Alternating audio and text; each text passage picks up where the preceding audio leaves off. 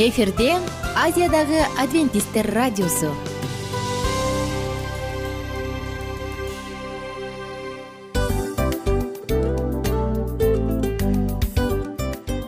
Достор салют.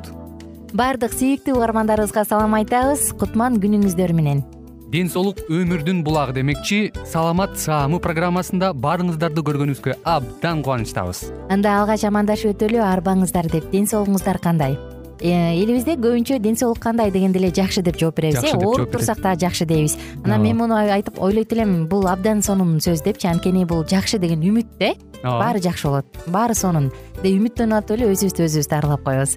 Анысы кандай? Сиздин дагы ден соолугуңуз жакшы беш деген үмүттөбүз чындыгында ден соолук бул өмүрдүн булагы деп бекеринен айтылган эмес деп ойлойм. Кыргыз элинде анткени эгерде ден соолук жок болсо анда адамдын жашоосунда калган баардык керектүү маңыздуу нерселер өзүнүн баалуулугун жоготуп коет. Ошондуктан ден соолук бул эң керектүү нерсе. Ооба туура айтасың кесиптешим. Чынында ден соолугуң жок бир эки үч күн ооруп калсаң эле э кандай болуп калат? Жашоодо көз каранды болуп каласың көп нерсеге жетишпей каласың көп нерсени кыла албай каласың жада калса эчке дүкөнгө да чыга албай каласың. Туптуура анан ден соолук болсо демек биз биздин бактыбыз тотой деп койсок болот. Анда достор саламат саамы рубрикабызды баштайлы. Алдыда өзүңүзгө керектүү болгон сонун кеңештерди уга аласыздар. Мына ошондуктан биз менен бирге болуңуздар. Ал эми биз болсо милан жана айнура. Кеттик алга. Алга саламат саама ден соолуктун жарчысы. Саламат саама ден соолуктун ачкычы. Күн сайын сиз үчүн мыкты кеңештер сонун жаңылыктар кызыктуу фактылар биздин рубрикада.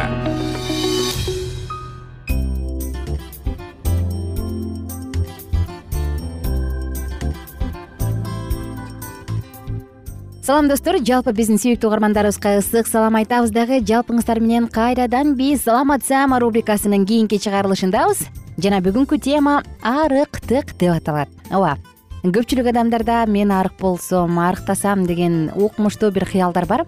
А кимдир бирөө тескерисинче эми кантип толом кантипкенде мен салмак кошом?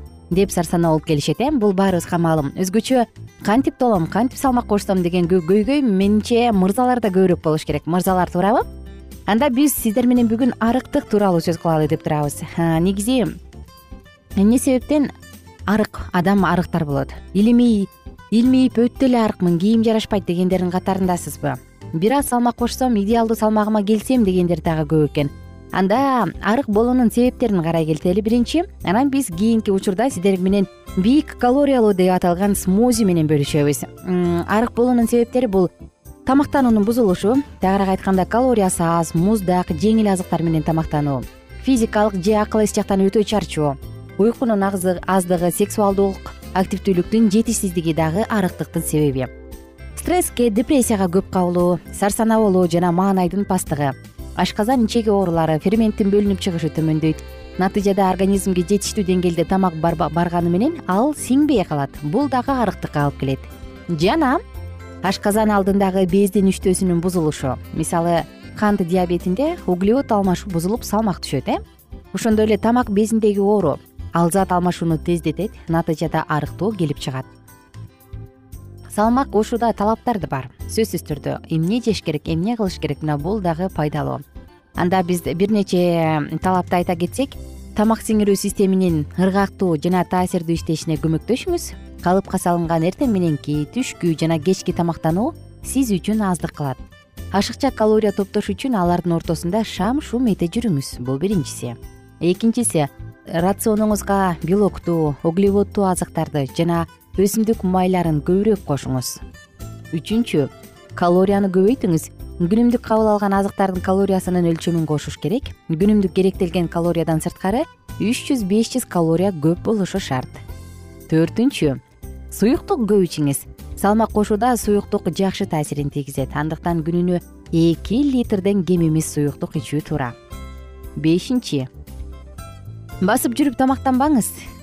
Тамактанган соң эч нерсе жасабай тынч жана туруңуз бул убакытта тамак кыйналбай сиңет алтынчы калориялуу тамактарды жеп жатам деп жүрө бербестен машыгууларга барыңыз чуркаңыз сейилдеңиз. Булар калорияны жоготкону менен денеңизде кат кат май басуудан сактап булчуңдардын өсүшүн шарттайт. Менюңузду фаст фудтар кондитердик азыктар менен толтурбаңыз. Булар салмак коштурганы менен жамбашка белиңизге майды топтойт. Тынч толук уктоо дагы маанилүү күчүңүздүн топтолушун жана салмактын кошулушун кааласаңыз анда уйкуну кандырып эс алыңыз. Организмдеги булчуңдар эс алуудан жандана баштайт. Кийинки тамеки жана ушул сыяктуу чылымдардын баарын таштаңыз. Тамеки тарткандар күнүнө жүздөн жүз элүү калорияны жоготуп коюшат. Салмагыңызды күн алыс текшерип туруңуз. Бул сиздин салмак кошууга болгон аракетиңиздин маанилүү жагдайы жана дем берет негизи арыктык өтө арык адамдар мен семиришим керек толушум керек деп куурулган тамактарды фаст фуд жогоруда айтылган тез татымдарды жакмакташылган кумшекерге бай азыктарды суусундуктардын баардыгын тең баарын иче берет эмеспи. Бирок бул туура эмес. Сиз ашыкча салмак салмак кошуу менен бирге жүрөк кан тамыр ооруларуна кабылып калышыңыз мүмкүн. Ал эми биз бүгүн айта турган бийик калориялуу деп аталган смузи тескерисинче анда идеалдуу белоктордун балансы бар. Ошону менен бирге май жана углеводдор дагы бар. Булардын баардыгы бийик сапаттуу болгондуктан сиздин денеңиз витамин жана антиоксиданттар менен камсыздалат.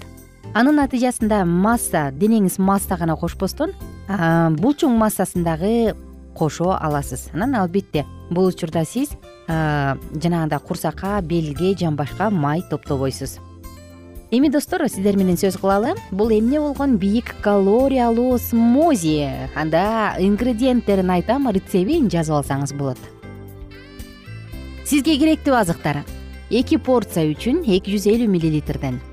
Жарым чашка соя сүтү эки аш кашык сулуу үлпүлдөгү төрт финик орточо өлчөмдө аны инжир менен дагы алмаштырып койсоңуз болот.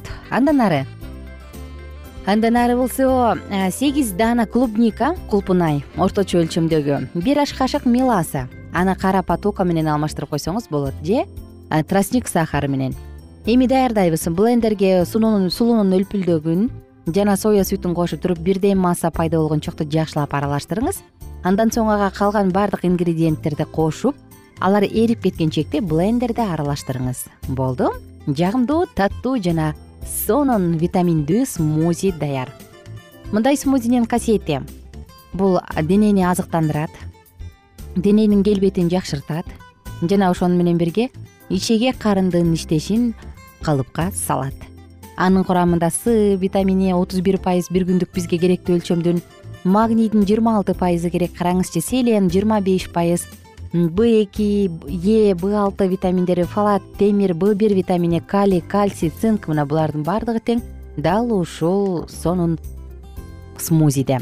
Анан достор мисалы азыркы күндө жанагындай сатылат эмеспи ар кандай белоктор жасалма коммерциялык жол менен коммерциялык белок менен жасалган азыктар бар эмеспи аны спортзалга баргандар жакшы билишет болуш керек. Масса кошуш үчүн ичишет анын кереги жок. Анын ордуна биз айткан могул смузини ичип анан спорт менен машыга турган болсоңуз бул кымбат эмес. Жана анда э, жасалмада кошумчалар жок болгондуктан ден соолугуңузга эч кандай зыян алып келбейт. Ошондуктан мырзаларга өзгөчө айталай кетели эгерде сиз булчуң массасын кошом негизи эле масса кошом деп турган болсоңуз анда тез татымдардан курулган тамак аштан жаман адаттардан качыңыз. Колдон келишинче туура жана даамдуу витаминдүү азыктанганга аракет кылыңыз бүгүн сиздер менен бирге арыктыкка каршы же арыктыкты алдын алыш үчүн арык адамдар салмак кошуш үчүн бийик калориялуу деп аталган смузинин рецеби менен бөлүштүк. Мен болсо сиздер менен коштошчу учурга келдим. Эртеңки уктуруудан жалпыңыздар менен кайрадан үн алышабыз достор. Күнүңүздөр көңүлдүү улансын маанайыңыздар чөкпөсүн арыксызбы семизсизби кандай гана болбоңуз бирок биринчи кезекте өзүңүздү кандай болсо ошол бойдон сүйүңүз анан ден соолугуңуз үчүн күрөшүңүз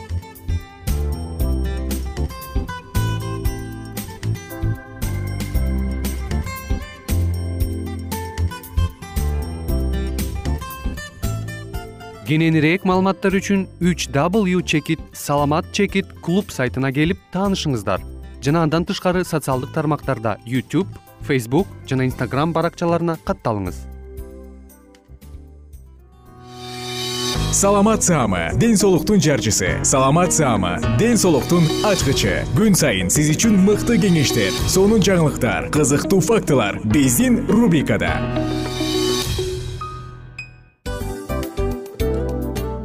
салам достор. Кайрадан биздин сүйүктүү рубрикабызга кош келиңиздер деп айтмакчыбыз.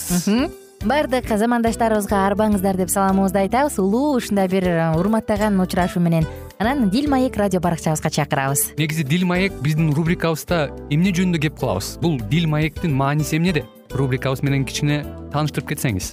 Сөзсүз түрдө тааныштыра кетейин кесиптешим суранычы боюнча бул учурда бул радио баракчада биз ар тарап кесип ээлеринен сонун кеңештерди алабыз сүйлөшөбүз сырдашабыз. Аталарыбыздын эжелерибиздин апаларыбыздын кеңештерин угабыз айтор. Жан дүйнөгө адамдын э, сапатына адамдын деги эле адам болуп жашашына керектүү баардык кеңештер алдыда. Негизи э, дил маек дегенде баягы эки адамдын ортосундагы сырдашуу кенен сүйлөшүү. Негизи эле биз адамдар бири бирибиз менен бир жерге жай жерге отуруп алып өзүнчө тынч э, жашоо жөнүндө өмүрүбүздө эмне болуп атканын бөлүшкөнү жакшы көрөбүз э адамдар. Ооба туура айтасың анан мындай учурга кээде убакыт да жетпей келет э? Же болбосо сырыңды кайгыңды муңуңду кубанычыңды айткың келет а адамга ишенбешиң мүмкүн. Ооба. А бул радио баракча угармандарыбыздын чыныгы досу анткени бизден алган кеңеш сиздин жашооңузга чоң жардам берет. Ал эми сиздин бизге айта турган сөзүңүз ортодо гана сыр бойдон калат. Ошондуктан биздин дил маек рубрикабызга дагы бир жолу кош келиңиздер. Жана биз даярдаган маалыматтарга даяр болуңуздар. Айнура жана милан сиздер менен бирге алдыга кеттик ар түрдүү ардактуу кесип ээлеринен. Алтын сөздөр жүрөк ачышкан сыр чачышкан сонун маек. Дил маек рубрикасында.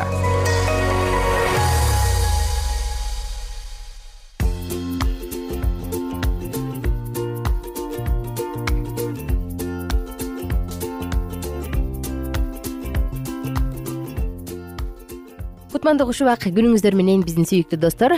Кайрадан сиздер менен дил маек уктуруусунда мариям жөнүндө темабызды улантабыз мариям аялдардын ичинен эң баталуусу. Бүгүнкү темабыз. Анда достор жалпыңыздарды бизге жакыныраак отуруп радионун үнүнө көмүрөөк чыгарып эмне себептен эң бактылуу экендигин угууга чакырабыз. Эске сала кетсек бул аял жубай жана эне деп аталган цикл жана мурунку уктурууда биз сиздер менен бирге мариямды мариямга периште келип сен угул төрөйсүң анын атын ыйса деп койгон дегенин айтканбыз жана ошондой эле ай күнүнө жетип калган кезде алар жолдош экөө жусуп экөө эл каттоого келет. Андан ары улантабыз. Алар мейманканаларда орунга албай калат деп коркушкан. Дал ошондой болду. Иерусалим менен хеброндун ортосунда жайгашкан бейтлехем адамдар абдан көп келип кеткен шаар эле. Бул жерге соода кербендери азык түлүк запастарын алып келип турушат. Мариям өзүнүн тун уулун мал кыштаган үңкүрдө төрөдү ал бешик ордуна мал акырга жатууга аргасыз болгон уулу үчүн тынчсызданды. Жусуп экөө өздөрүн эч кимге кереги жоктой сезип жаткан учурда керемет окуя болду. Түн ортосунда күндүзгүдөй жарык боло түшүп асмандан эсепсиз көп периштелер көрүндү. Периштелер асмандагы кудайга даңк жер жүзүндө тынчтык болсун деп мариямдын уулунун дүйнөнүн куткаруучусунун төрөлгөнүн кубана жар салышты периштенин буйругу боюнча үңкүргө башкалардын малын кайтарган жарды койчулар келишти. Алардан кийин мариямдын уулуна табынуу үчүн узак жол карытып чыгыштын окумуштуу бай адамдары келишти. Алар анын уулуна ийилип таазим этишип белектерди ладан смирна деген жыпар жыттуу заттарды жана алтындан жасалган буюмдарды беришти. Кудайдын уулу жерге келгенде периштелер жар салышып ага байлар да кедейлер да табынууга келишкен. Мариям өзү болсо бул жерде эмне дээрин билбей тынч отурду. Ал уккан сөздөрүнүн баарын кымбат баалуу белектей кылып жүрөгүнө сактап калды. Алар уулун ибадатканага алып келишкенде алардын жанына карылыгы жеткен адам басып келип эч нерсе сурабастан баланы колуна алды. Ал кудайдын ысрайылга ырайым кылар күнүн күтүп жүргөн шымыйон аттуу такыба адам эле ал теңирди даңктап мындай деди. Эгидер теңирим эми өз сөзүң боюнча өз кулуңду тынчтык менен кое бересиң. Анткени мен сенин бардык элдердин алдында даярдаган куткарууңду көрдүм бул карыя да элизабет сыяктуу ыйык рухтун жетегинде жашаган адам эле. Жусуп менен мариям тун уулу ыйсаны көргөндө анын кудай уулу экенинен шектенишкен жок. Шымыйонго окшоп өзүнүн бүт өмүрүн кудайга кызмат кылууга арнаган карыган пайгамбар аял анна да аларга келип наристенин убадаланган машаяк экенин билди.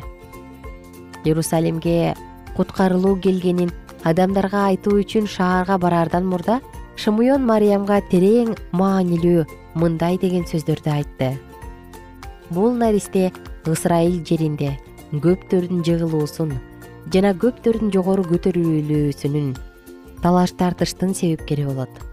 Көптөрдүн жүрөктөрү ойлору ачылат ал эми сенин жүрөгүң тилингендей болот. Көп өтпөй биринчи кайгы келди. Эрод падыша бейтлехемдеги эки жашка чейинки балдардын баарын өлтүрүүнү буйрду ушундай кылуу аркылуу ал жүйүттөрдүн убадаланган падышасы наристе ыйсаны өлтүрөм деп ойлоду. Бирок теңирдин периштеси жусупка көрүнүп үй бүлөсүн алып мисирге качуусу керектигин эскертти. Алар наристени алып негеп чөлү аркылуу узак сапарга чыгуулары керек болду. Бул чөл суу тамак аш жок кунарсыз жер. Мариямды мисирге бараткандагы андан кайтып келаткандагы кыйынчылыктардан дагы өлгөн наристелер жөнүндөгү ою кыйнады. Кулагына айыпсыздардын онтогону угулуп тургансыды. Ал бактысыз энелердин күйүтүн коркунучун көз алдынан келтирди. Кудай уулунун энеси болуу кубанычы көз жаш менен аралашты. Арадан он жылга жакын убакыт өттү. Иерусалим бүгүн өзгөчө шаңдуу. Адамдар пасахты майрамдап теңирге курмандык чалуу үчүн үй бүлөлөрү менен бул ыйык шаарга иерусалимге келишти. Баары кубанып жүрүшөт көптөр теңирге курмандык чалуу үчүн эле эмес майрамдарда гана жолуга турган тааныштарын көрүү үчүн келишкен. Шаарда чоң кичине дебей адамдар жык жыйма алар майрамга алыста жашаган туугандары тааныштары менен жолугуу үчүн келип топ топ болуп жүрүшчү. Алардын арасында шоктонуп жатып ата энесинен артта кала берген балдар дагы бар. Мындай көп эл ичинен бир баланын жок экендиги дароо эле байкалбайт анткени ал туугандарынын же тааныштарынын арасында болушу мүмкүн. Жусуп менен мариям да ыйсанын жок экенин үйүнө кайтып келаткан күнү кечинде гана байкашты. Алар аны баардык жерден издеп таппай коюшту. Ошондо алар тынчсызданып кайра иерусалимге барышты. Аны жан алекетке түшүп издешти бирок таппай коюшту. Алар ыйсаны үчүнчү күнү тынчсызданып эмне кылар айласын таппай калганда ибадатканадан табышты. Алар өспүрүм ыйсанын окумуштуу раввиндердин арасында отурганын көрүп таң калышты. Ал аларды угуп эле тим болбостон суроо да берип жатыптыр. Ал айланадагыларды өзүнүн акылы түшүнүкү жана туура жооптору менен таң калтырып жаткан. Мариям ага балам бул эмне кылганың? Атаң экөөбүз сарсанаа болуп сени издеп жүрөбүз деп тынчы кетти анын жообу жактырбагандыктан эмес күтүүсүздөн берилген жооп эле. Мени эмнеге издейсиңер? Атамдын үйүндө болушум керек экендигин билген эмес белеңер. Атамдын деген эмнеси жусуп менен мариям аны жердин баарын кыдырып издеп жүрүшчү жусуп менен мариям ыйсанын асмандагы атасы жөнүндө айтып жатканын түшүнүштү бекен кызык мына достор биз эми мариямдын жашоосу тууралуу кийинки уктурууда дагы улантабыз. Ага чейин жалпыңыздар менен убактылуу гана коштошом. Күнүңүздөр көңүлдүү улансын. Бар болуңуздар жана бай болуңуздар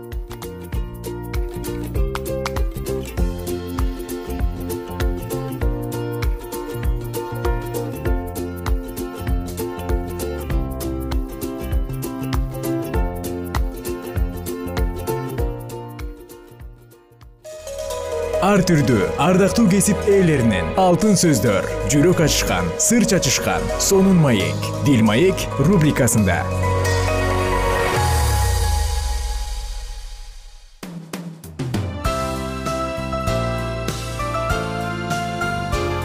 Эфирде азиядагы адвентисттер радиосу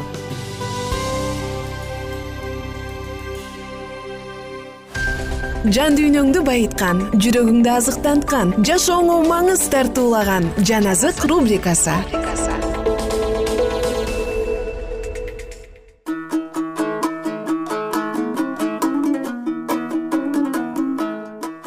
кушубак күнүңүздөр менен кадырлуу замандаштар сүйүктүү достор. Жалпы биздин угармандарыбыздын баардыгына ысык салам айтабыз дагы сиздер менен бирге жан азык рубрикасын баштайлы күнүңүздөр көңүлдүү улансын бул учур бул саат бул күн дагы сиз үчүн эң сонун күндөрдүн бири болсун. Эске сала кетсек биз сиздер менен эски осуяттан ыйык китептен ошуя китебин окуп жатканбыз. Бүгүн андан ары улантабыз. Ошуя китеби алтынчы бөлүм алар кайгы тартып жатканда таң азандан мени издеп жүргүлө теңирге кайра баралы. Анткени бизди ал тыткылады бизди өзү айыктырат. Бизди ал жаралады. Биздин жаратыбызды өзү таңат. Бизди эки күндөн кийин тирилтет. Үчүнчү күнү бизди тургузат. Ошондо биз анын ак алдында жашайбыз. Ошондуктан таанып билели теңирди таанып билүүгө умтулалы. Анын келиши таңкы жарыктай ал бизге жамгыр сыяктуу келет.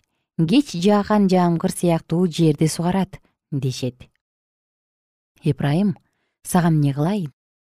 Жүйүт сага эмне кылайын? Силердин адилдигиңер таңкы булуттай. Эрте жок болуп кетүүчү шүйдүрүмдөй ошондуктан мен аларды пайгамбарлар аркылуу жонуп жылмаладым. Оозумдан чыккан сөздөр менен өлтүрдүм менин акыйкаттыгым таңкы жарыктай.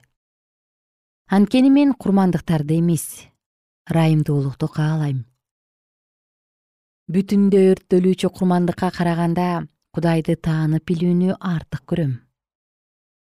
Адамга окшоп алар келишимди бузушту. Ошол жерде мага бейопалык кылышты.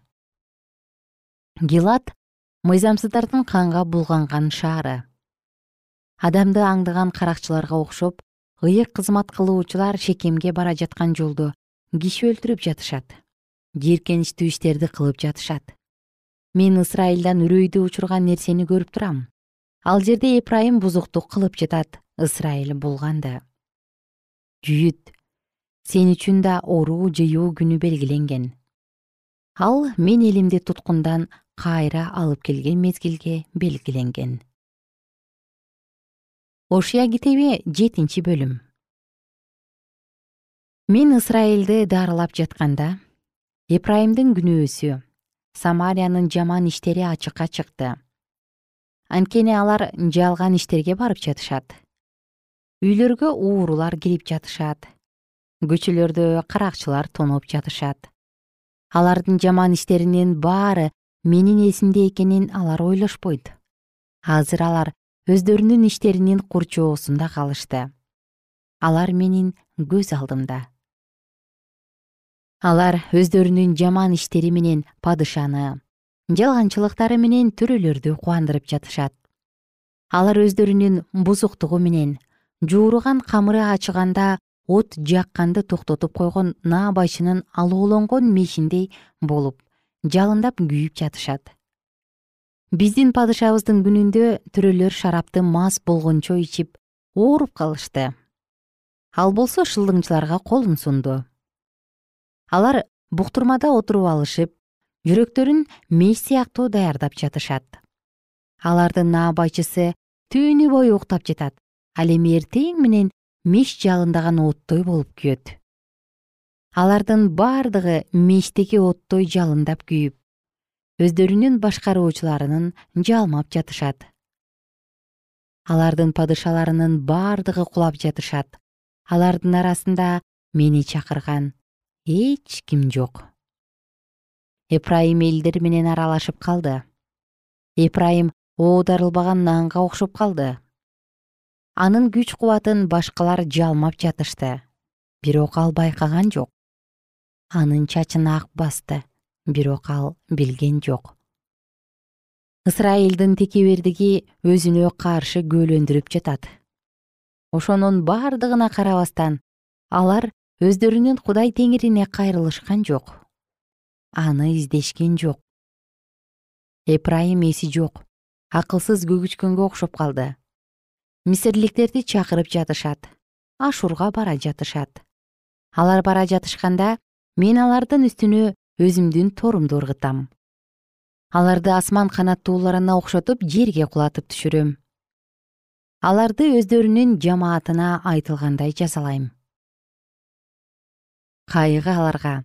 Анткени алар менден алыстап кетишти алаамат аларга. Анткени алар мага каршы чыгышты.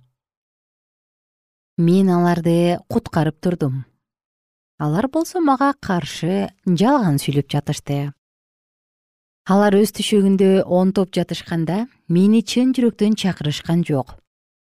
Алар нан менен шарап үчүн чогулушат. Менден болсо алысташат. Мен аларды акылга салып турдум. Алардын билегин чыңдап турдум. Бирок алар мага каршы жамандык ойлоп жатышты. Алар кайрылышты бирок бардыгынан жогору турганга эмес. Алар алдамчы жаадай болуп калышты. Алардын төрөлөрү өздөрүнүн тилинин заардыгынан кылычтан кулап жатышат. Мисир жеринде алардын үстүнөн болгон шылдың ушул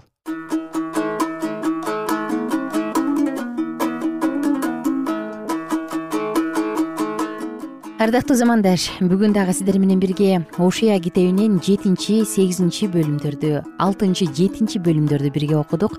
Кийинки уктуруубузда сегизинчи бөлүмдөн ары улантабыз. Караңыздарчы алар оодарылбаган нандай болуп калды дейт. Бети жок болуп калды дейт. Уялганды унутуп коюшту дейт. Алар кайрылышат бирок кудайга эмес мага эмес дейт. Караңыздарчы ысрайыл элинин текебердиги өзүнө каршы күбөлөндүрүп жатат. Бирок ошентсе дагы ал мага кайрылган жок дейт. Караңыздарчы кандай гана сөздөр жаратуучу негизи баягы жашоодо айтып коет эмеспи тагдыр деп э? Адам өзү тандап алат бирок анын артынан кандай аны кесип эти келет? Анын артынан эмне болот? Бул албетте анын тандоосунан көз каранды. Ошондуктан келиңиздер. Бүгүнкү биздин тандообуз бүгүнкү биз кыла турган иш аракеттер бүгүн биз сүйлөй турган сөздөр кайра эле каршы бизге күбөлөндүрбөстөн жаратуучуга жага турган бизди коргой турган сөздөр болсун сиздер менен убактылуу коштошобуз. Кийинки уктуруудан кайрадан амандашканча достор күнүңүздөр көңүлдүү улансын ар бирибизди жараткан жалгасын. Кайрадан амандашканча сак саламатта туруңуздар.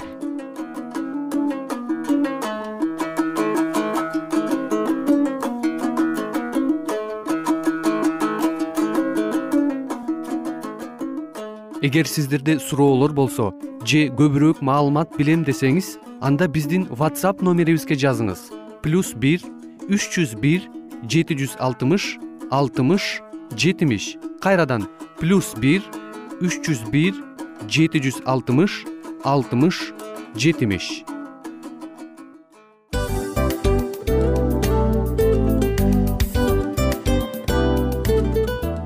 Ушул менен достор программабыздын уктуруубуздун эң кайгылуу мөөнөтүнө келип жеттик кайгылуу дегенде ыйлагым келип кетти кесиптеш. Кадимкидей. Анткени баягы учурашасың анан коштошуу учур келгенде ии кантип ии эми бат баттан келиптир э сагындырбай деп атып араң коштошобуз го анысы кандай угармандарыбыз менен коштошчу учур келди. Кийинки уктурууларды сагыныч менен жүрөгүбүздө кусалык менен күтөбүз жалпыңыздарды. Анан жарым сааттык уктуруу көз ачыш йумканча өтүп кетти. Сөзсүз. Бирок бизде жакшы кабар бар. Кийинки уктурууларыбызда сөзсүз дагы кезигишебиз анткени биз көптөгөн сюрприздерди кызыктуу маалыматтарды жана керектүү керектүү нерселердин көбүнчөсүн даярдадык. Андай угармандарыбыздын баардыгына ийгиликтүү күн каалайбыз. Эгерде бүгүнкү күнүңүз өзгөчө э, өтүшүн кааласаңыз анда позитивдүү ой жүгүртүп жылмайып жакындарыңызга жакшы маанай тартуулап жүрө бериңиз анткени сөзсүз түрдө мунун арты кайтат э? Сөзсүз. Баягы ден соолугуң оңолот ал бул деп көп нерсени санап келебиз эң негизгиси бул сиздин жашооңузду жаркын кыла түшөт экен. Жараткан кудай ар бирөөңүздөргө батасын берсин жашооңуз ийгиликтүү болсун сак саламатта калыңыздар деп мен милан жана кесиптешим айнура. Баардыгыңыздар менен кийинки уктурууда үн алышканча. Баарыңыздарга ийгилик каалайбыз